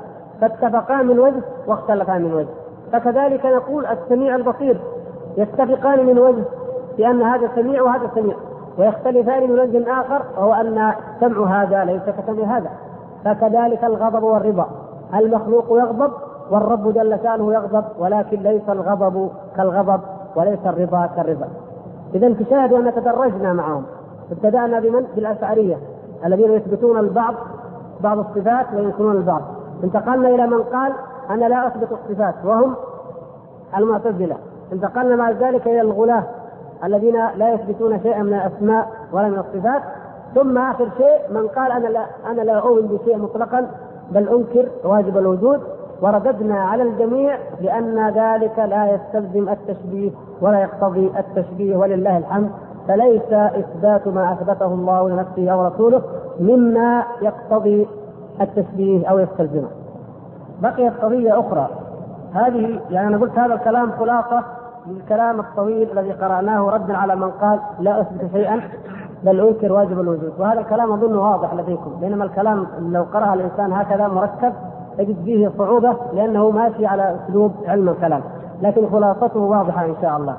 الطائفه الأخيرة هي التي قالت بقضية الاشتراك الكلي الوجود الكلي وكونه في الأعيان أو كونه في الأذهان نقرأ النص ونرعيه آذاننا وأسماعنا وإن شاء الله نشرحه شرحا يفهمه الإخوة بإذن الله سبحانه وتعالى. وهذا موضع وإذا اتفق نعم إذا اتفق. وإذا اتفق في مسمى الوجود والعلم والقدره فهذا المشترك مطلق في الوجود يوجد في الاسماء لا في الأعيان والموجود في الأعيان مطلق لا اشتراك فيه وهذا موضع اضطرب فيه كثير من النصارى حيث توهموا أن الاتفاق في مسمى هذه الأشياء يجب أن يكون الوجود يجب أن يكون الوجود الذي بالرب كالوجود الذي بالعكس. وطائفة ظنت أن لفظ الوجود يقال من إدراك التحويل وكانوا عقولهم فإن هذه الأسماء عامة قابلة للتقسيم كما يقال ينقسم إلى واجب وممكن وقديم وحادث ومولد التقسيم مشترك. بين الأقسام مشترك ومولد التقسيم مشترك بين الأقسام واللفظ المشترك كلفظ المشتري الواقع على المدعي والكوكب لا ينقسم معناه ولكن يقال لفظ المشتري يقال على كذا أو على كذا وأمثال هذه المقالات التي قد صدقت سلام عليها في موضعه وأصل الخطأ والغلط توهمهم أن هذه الأسماء العامة الكلية يكون مسماها المطلق الكلي هو بعينه ثابتا في هذا المعين. وهذا المعين وليس كذلك فإنما يوجد في الخارج لا في الخارج في الخارج لا يوجد مطلقا كليا بل لا يوجد إلا معينا مختصا. وهذه الأسماء إذا سمي الله. وهذه الأسماء إذا الله مختصا به فإذا بها العبد مختصا به الله يشاركها لا يشاركه أشياء غيره المعين لا يشركه فيه غيره فكيف بوجود الخالق ألا ترى أنك تقول هذا هو ذاك فالمشار إليه واحد ذات بوجهين مختلفين وبهذا ومثله يتبين لك أن المشبهة أخذوا هذه المعنى وزادوا فيه على الحق فضلوا وأن المعطلة أخذوا نفي المماثلة بوجه من الوجوه وزادوا فيه على الحق حتى ظلموا وأن كتاب الله دل على الحق المحض الذي تعقله العقول السليمة الصحيحة وهو الحق المعتدل الذي لا انحراف فيه فالنفاة يعقله في تنزيه الخالق سبحانه عن نفي المعاني الثالثة لله تعالى في نفس الأمر أحسنوا في إثبات الصفات ولكن بزيادة التشبيه. أحسنت. هذا ينتهي. يبدأ في موضوع آخر أيضا فيه غموض وصعوبة لكن نكتفي بهذا. المشترك المطلق الكلي. هذه القضية قد سبق أن لما تحدثنا عن علم المنطق ما معناه وما نشأته وهو كما قلنا لما وجد ناس ينكرون الحقائق فجاء ناس يرد عليهم أو يحاولوا يثبتوا الحقائق في إثبات اولا المطلقات الكلية ثم إثبات المعينات في الخارج. مثلا يعني الوجود الوجود هذا مطلق شيء مطلق كلي. كلمة الموجود مثلا الموجود أمر مطلق في الذهن. ما معنى في الذهن يعني إلى حد الآن ليس معينا بشيء معين لا لم يعين لم يخصص. كيف يتعين المطلق؟ يتعين بآحاده. ما هي آحاد الموجود؟ نقول مثلا زيد بكر عمرو الجبل الشجرة. تحول هذا المطلق إلى حقيقة معينة إلى شيء معين. زيد موجود شجرة موجودة الأرض موجودة. فنقول الله سبحانه وتعالى موجود. كل ذلك يشمله لفظ الوجود.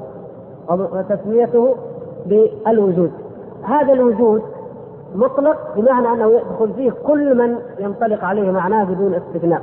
وكذلك كلي أي أن جميع احادث تدخل فيه. كل الموجودات داخلة في كلمة الموجود أو في كلمة الوجود.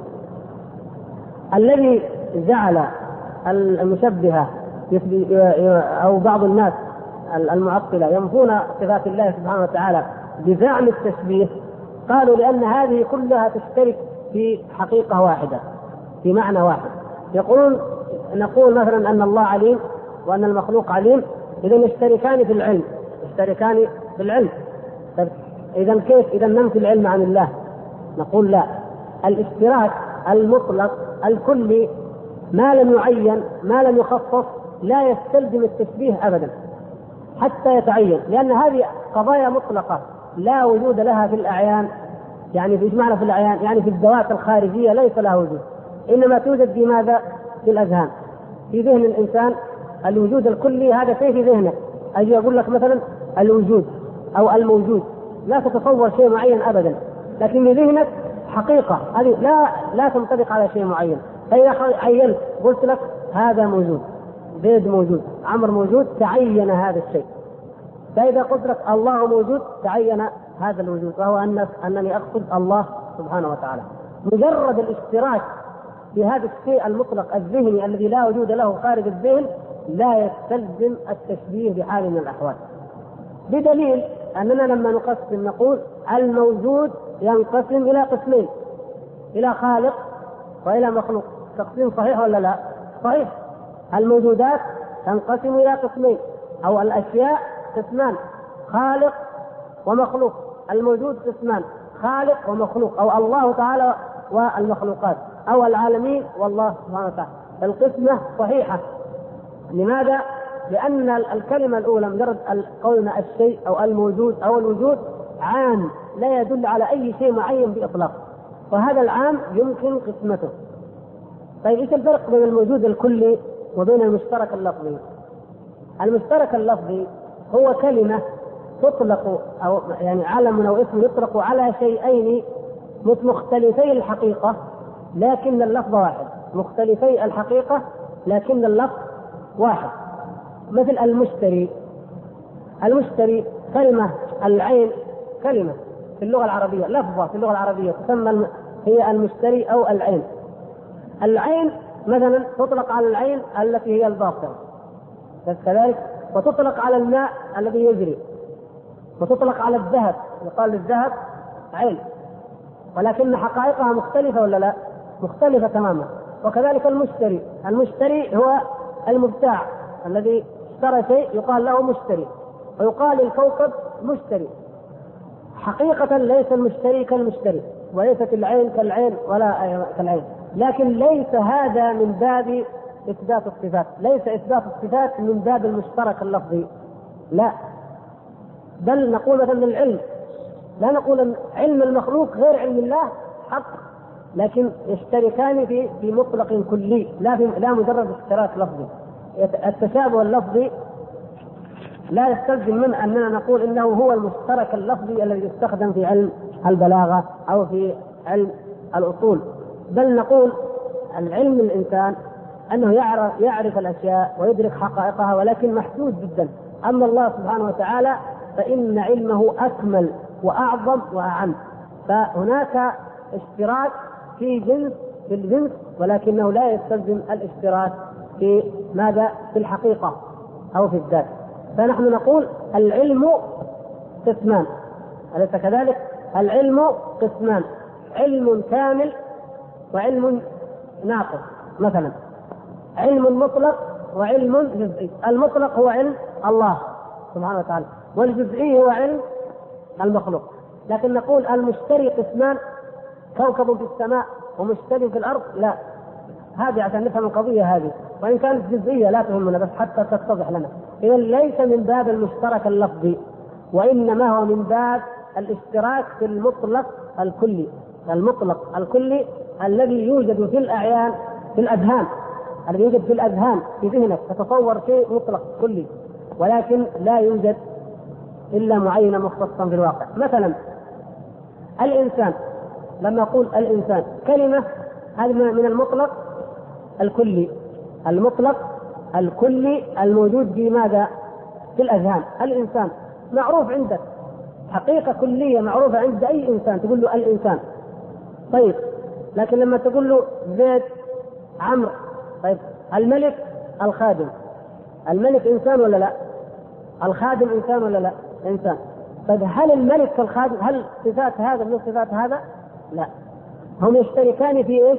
في الإنسانية لكن يختلفان في الصفات يختلفان في الحقيقة فهكذا أو أعظم منه اننا نقول أن ما يتعلق بصفات الله سبحانه وتعالى العلم الحياة القدرة البصر كل ما أثبته الله للمخلوق أو نعلمه نحن للمخلوق وهو ثابت لله عز وجل لا يستلزم التشبيه مجرد الاشتراك في الإطلاق الكلي لأن هذا الإطلاق الكلي إطلاق ذهني مجرد. فإذا عين المراد به عين المسمى به هو الله أو المخلوق اختلفا اختلافا بينا. وإن كان قلنا الاشتراك في الوجود موجود لكن يختلف بدليل التقسيم. بدليل أن نقول مثلا الغضب نوعان مثلا غضب المخلوق وغضب الرب سبحانه وتعالى ويختلف هذا عن هذا وتختلف لوازم هذا عن لوازم هذا.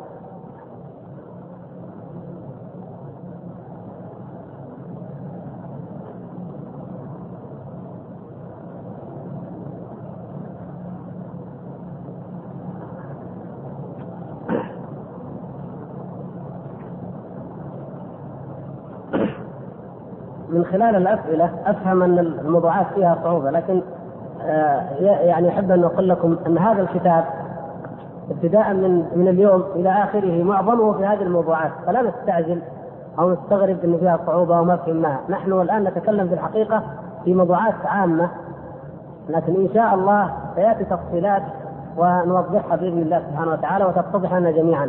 وكلنا كذلك عندما يفاجأ الإنسان منا بعض الموضوعات قد يعني لا يستوعبها بعض الإخوة وكذا لكن عندما يستمر فيها ويأخذ تفصيلاتها سوف تتضح له بإذن الله سبحانه وتعالى.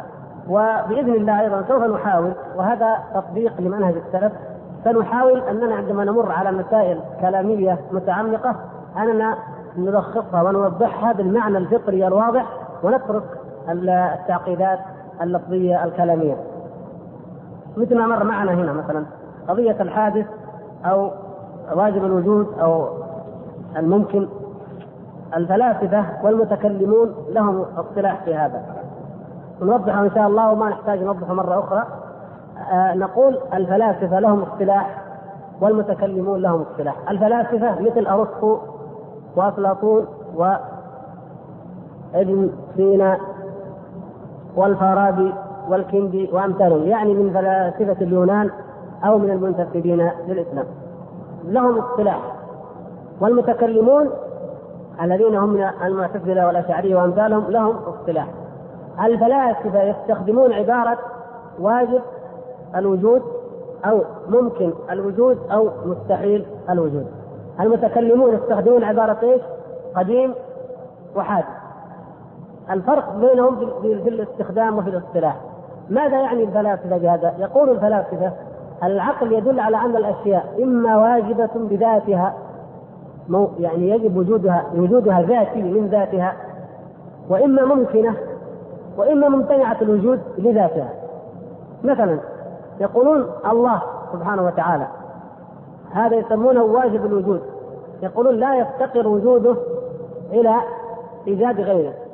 وهذا كما تعلمون كما مر مما يدل على أن الناس لا لا ينفون الوجود. ليست مشكله لا مشكلة الأنبياء مع أممهم ولا مشكلة أهل السنة مع الطوائف الضالة هي إثبات وجود الله.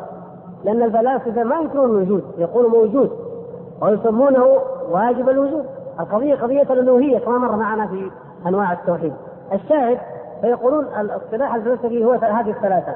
واجب الوجود وهو ما كان وجوده من ذاته. لذاته بذاته. لا يحتاج ولا يفتقر وجوده إلى غيره وهو الله سبحانه وتعالى وحده عندهم. يعني واجب الوجود عندهم شيء واحد فقط وهو الله. كما يقول سائر العقلاء. بعدين يقول ممتنع الوجود وهو وجود إلهين أو وجود آه، شريك أو مماثل لواجب الوجود. لأنه لا هذا الواجب لا لا يوجد اثنان. كما سبق أيضا وضحنا ذلك. لو وجد لا بد أن يكون واحد منهما هو الواجب هو الخالق والآخر مخلوق. الممكن بقية المخلوقات. مثلا وجود الشجرة وجود الحجر وجود هذه يسمونها الممكنات.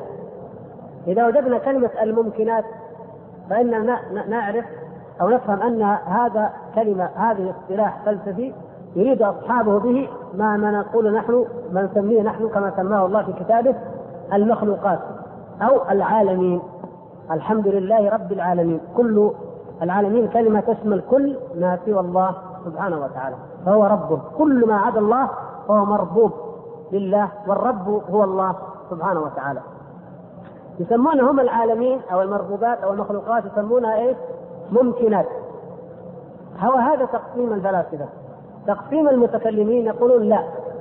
الأشياء الموجودة إما أنها واجبة إما أنها موجودة بعد أن لم تكن وإما أنها قديمة الوجود. ويقولون القديم الذي لا أول لوجوده هو الله ولذلك يسمون الله القديم. وسيأتي التحدث عن هذه القضية وكما سأل أحد الإخوة هنا هل يقال الله قديم أو لماذا لا يقال قديم؟ نقول لا ليس من صفات الله سبحانه وتعالى القديم. ونشرح ذلك فيما بعد إن شاء الله. وما دام أن الله سبحانه وتعالى موجود وما دام أنه واجب وجود وما دام كذا فلنثبت له ما شئنا والإثبات آه هذا شيء حسن وارد في الكتاب والسنة لكن اثبات بتشبيه لا. فهم زادوا وغلوا في الإثبات حتى أثبتوها بما يشبه صفات المخلوقين. وأما المعطلة فإنهم عرفوا جانبا من الحق وهو جانب عدم المشابهة عدم المماثلة. وهو حق. وأن الله سبحانه وتعالى لا يشبهه شيء ولا يماثله شيء ليس كمثله شيء. هذا حق. عرفوه. ولكنهم زادوا عليه بأن نقوا ما له من الحق سبحانه وتعالى وقالوا إذا لا نثبت له شيء حتى لا نقع في التسليم. لكن في قضية. يعني مثل المؤلف يقول آخر عبارة يقول فالنفاة أحسن في تنزيه الخالق سبحانه عن التشبيه بشيء من خلقه. النفاة المعطلة أحسن في تشبيه الله. في تنزيه الله سبحانه عن التشبيه بشيء من خلقه. ولكن أساءوا في نفي المعاني الثابتة لله تعالى في نفس الأمر. والمشبهة أحسنوا في إثبات الصفات ولكن أساءوا في زيادة التشبيه هل هذا الكلام من الشارع من المؤلف يقتضي أن كل المعطلة وكل المشبهة نيتهم حسنة؟ يعني الآن يحكم عليه بأن نيتهم طيبة؟ أن المشبهة أرادوا بحسن النية يثبتوا لكن وقعوا في التشبيه والمعطلة أرادوا بحسن النية أن ينزهوا وقعوا في التعطيل لا. لا يستلزم ذلك. هذا حكم على العمل نفسه. هذا حكم على العمل. مجرد التشبيه لا شك ان فيه إثبات. ومجرد التعطيل لا شك أنه متضمن لتنزيه. هذا مجرد حكم على العمل. لكن هل المشبه هل يعني هذا كما قد يفهم بعض الناس؟ إذا النساء محسنين ما في واحد نفى صفات الا نيته طيبة؟ لا. ما في واحد شبه الله بخلق نيته طيبة ده يثبت لا. لماذا؟ لأن من أعظم المشبهة اليهود. هل نيات اليهود طيبة؟ أرادوا الإحسان في دينهم أو أرادوا الإحسان في الإسلام؟ وقالوا نشبه ابدا. ابدا. ولم تكن. لكن وجد في المسلمين نعم وجد في المسلمين من أخذ هذا الكلام بحسن النية وبغير فهم ولا عقل. النفاه أيضا نقول نفاه مثلا المعتزله وهم اشهر اشهر الطوائف هل كلهم على حسن نيه وعلى تنزيه لله؟ لا. النظام على سبيل المثال إبراهيم النظام هذا الرجل لو قراتم ترجمته في سير أعلام النبلاء وأيضا في بعض الكتب التي فصلت ترجمته أكثر كان إبراهيم النظام على دين البراهمة. الذين في الهند البراهمة موجودين اليوم معروفين. وكان ودين البراهمة كان منهم نوع فلاسفة ينكرون النبوات ينكرون الوحي وينكرون النبوة.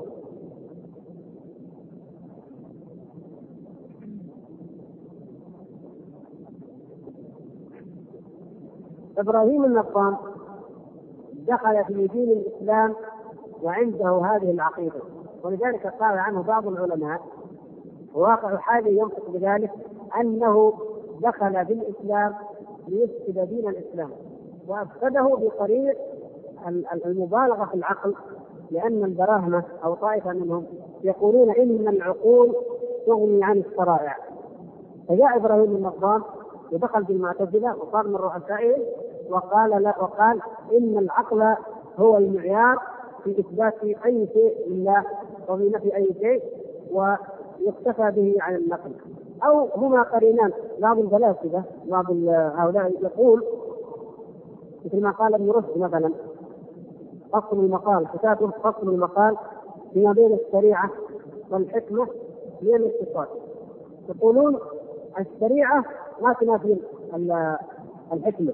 الحقيقة هذه عند الصوفية. لكن أو العقل العقل أو الحكمة لا تنافى مع الشريعة. طبعا لو فرقوا لو قالوا الشريعة تنافي الحكمة كفرهم العوام ونجدوهم حتى العوام. حتى الجهال لو قال واحد إنه هذا الشريعة تنافي الفلسفه قالوا اذا نحن مع الشريعة ونحن مع الفلسفه شيء طبيعي عند أي مسلم. لكن قالوا لا الشريعة لا تتنافى مع الفلسفه اي الحكمة يسمونها الحكمة هم. ويسمون الفلاسفه الحكماء. الذين اللي كتب عنه الكلام قال الحكماء الحكماء هم الفلاسفه ارسطو وامثاله يقولون أعظم شريعة جاءت على ظهر الأرض وعرفها العالم شريعة محمد صلى الله عليه وسلم. وجميل. لو قرينا هذا الكلام مثل هذول الطيبين يمدحون الإسلام. لا هؤلاء يقصدون شيء آخر. يقولون إننا لما عرضنا الشرائع القديمة على العقل عرضنا اليهودية وعرضنا النصرانية على العقل أي على الحكمة التي هي الميزان وجدنا فيها الخلل والاضطراب والتناقض مثل ما بدانا أول حديث لما واحد يقرأ التوراة أي واحد أي إنسان عنده عقل يبدأ يقرأ التوراة ويشوف. طبعا التوراة مثل ما قلت إنه التوراة اليهود يؤمنوا بالعهد القديم. طيب النصارى النصارى يؤمنوا بالعهد القديم والعهد الجديد. اذا الذي يبدأ يقرأ في سفر التكوين ممكن يكون يهودي أو نصراني نفس الشيء. يعني الاثنين يؤمنوا بهذا السفر سفر التكوين هو يعني أول الاسفار اسفار التوراة التي حملها الله سبحانه وتعالى اليهود والنصارى ثم لم يحمل اليهود ثم لم يحملوها فكانوا كالحمار يحمل اسفارا. اذا نقول لو أي عاقل بدأ يقرأ من سفر التكوين. يشوف اليهود ويشوف النصارى اللي هم أكثر أمم العالم كما على الأقل كما يزعمون أكثر دين انتشار في العالم بالعدد يقولون هم النصارى بالطوائف المعروفة. طيب يقرأ أي إنسان عنده عدد يبدأ يقرأ أول ما يقع عليه سفر التكوين وأول ما يقرأ في سفر التكوين يقرأ هذا الكلام الذي تحدثنا عنه في اول الدرس عن قضية خلق آدم وأنه جنة عدن عند البصرة وأن الرب يمشي في الجنة وبعدين ما يدري فين راح آدم وحواء بعدين شاف المتبعين بعدين طلعهم بعدين كذا هذا الكلام لا لا لا يوافق العقل ابدا. حتى الفلاسفه الأولين لما قرأوا هذا الكلام قالوا هذه الشريعة باطلة. شريعة ينقضها العقل. قالوا لما قرأنا القرآن وجدناه جاء بحكمه عجيبة. وجدناه جاء بكلام عجيب. لما قرأوا كلام النبي صلى الله عليه وسلم حاولوا يطعنوا حاولوا يطعنوا وجدوا شيء عجيب. وبعدين قالوا لو, لو نقول أن في القرآن تشبيه وهكذا بصراحه بدون الموارده هذا ينفرد بنفس منا المسلمين لكن نقول لهم الشريعة والحكمة هما حق كلاهما حق وكلاهما يدل على شيء واحد. فليس الفرق؟ قالوا الفرق أن الشرائع جاءت للعوام. الشرائع جاءت للعوام. العوام ما يفهموا إلا انه يقول لهم يد وغضب ورضا ورحمة وخوف ويعني رجاء وكذا عشان على ذلك يعني يفهم لكن العقلاء الحكماء أصحاب العقول يعني الفلاسفه ومن كانوا هؤلاء جاءت لهم الحكمه يعني شريعة الله وحي رب العالمين الذي أنزل به جبريل نزل للضعفاء للبسطاء ولكن ولكن هم عندهم ما هو أعظم مما أنزل الله والعياذ بالله. هذا كلام من كلامهم أعظم مما أنزل الله في الكتب وأعظم مما بعث به جبريل وأعظم مما أرسل به محمد صلى الله عليه وسلم. وهو من؟ كلام ارسطو وافلاطون وفرفريون وفلان إلى ابن سينا والكندي والفارابي وغيرهم. يقولون هذا للطبقه العليا المثقفة. هذا يشبه يشبه ما سبق معنا لما قلنا إن الصوفية يقولوا حقيقة وشريعه يقولوا أيضا ما في تعارض بين الحقيقة وبين الشريعة لكن الحقيقة هي خاصة ولخاصه الخاصة. أما الشريعة فهي لمن؟ للعامه خليه يصلي. خليه يصلي يصوم يتعبد هذا عامي لا يعرف الله هذا إلا هذا الطريق. لكن اللي عرف اللي من الخاصه حتى الناس يصلوا هو قاعد الله الله الله. هذا لأنه مرتبط مباشرة بالملأ الأعلى وبذات الله حتى يستحد به. فلا تعيب على هذا ولا على هذا لأنه هذا عامي ماشي مع الشريعة. وهذا خاص من أهل الخاصة من أهل الولاية ولي ماشي مع مع الحقيقة. ولا تنافي بينهما. يقول هذا لأن عباره الشارح هنا السوهم بعض الناس يقول أنتم مثلا تهاجمون المعطله تهاجمون المشبهه والمؤلف يقول النفاه أحسن والمشبهه أحسن. نقول العمل في ذاته فيه حق وتبعه كثير من الباطل لكن لا يستلزم ذلك القول بأن هؤلاء الناس جميعا جاءوا وأرادوا الحق أو أرادوا الإحسان. بل الذين كانوا في عهد النبي صلى الله عليه وسلم المنافقون لما اقسموا بالله إن ما يريدون إلا الإحسان وإلا التوفيق لم يقبل الله سبحانه وتعالى منهم ذلك ورده عليهم وأمر رسوله صلى الله عليه وسلم أن يعرض عنهم والا يصدقهم بهذا القول. فكثير من الناس يدعي الإحسان ويدعي التوفيق إما الإحسان بين التوفيق بين العقليات وبين النقليات وإما الإحسان وإما الإصلاح بين الشريعة والحكمة مثلا أو بين الحقيقة والشريعة كما يزعم هؤلاء.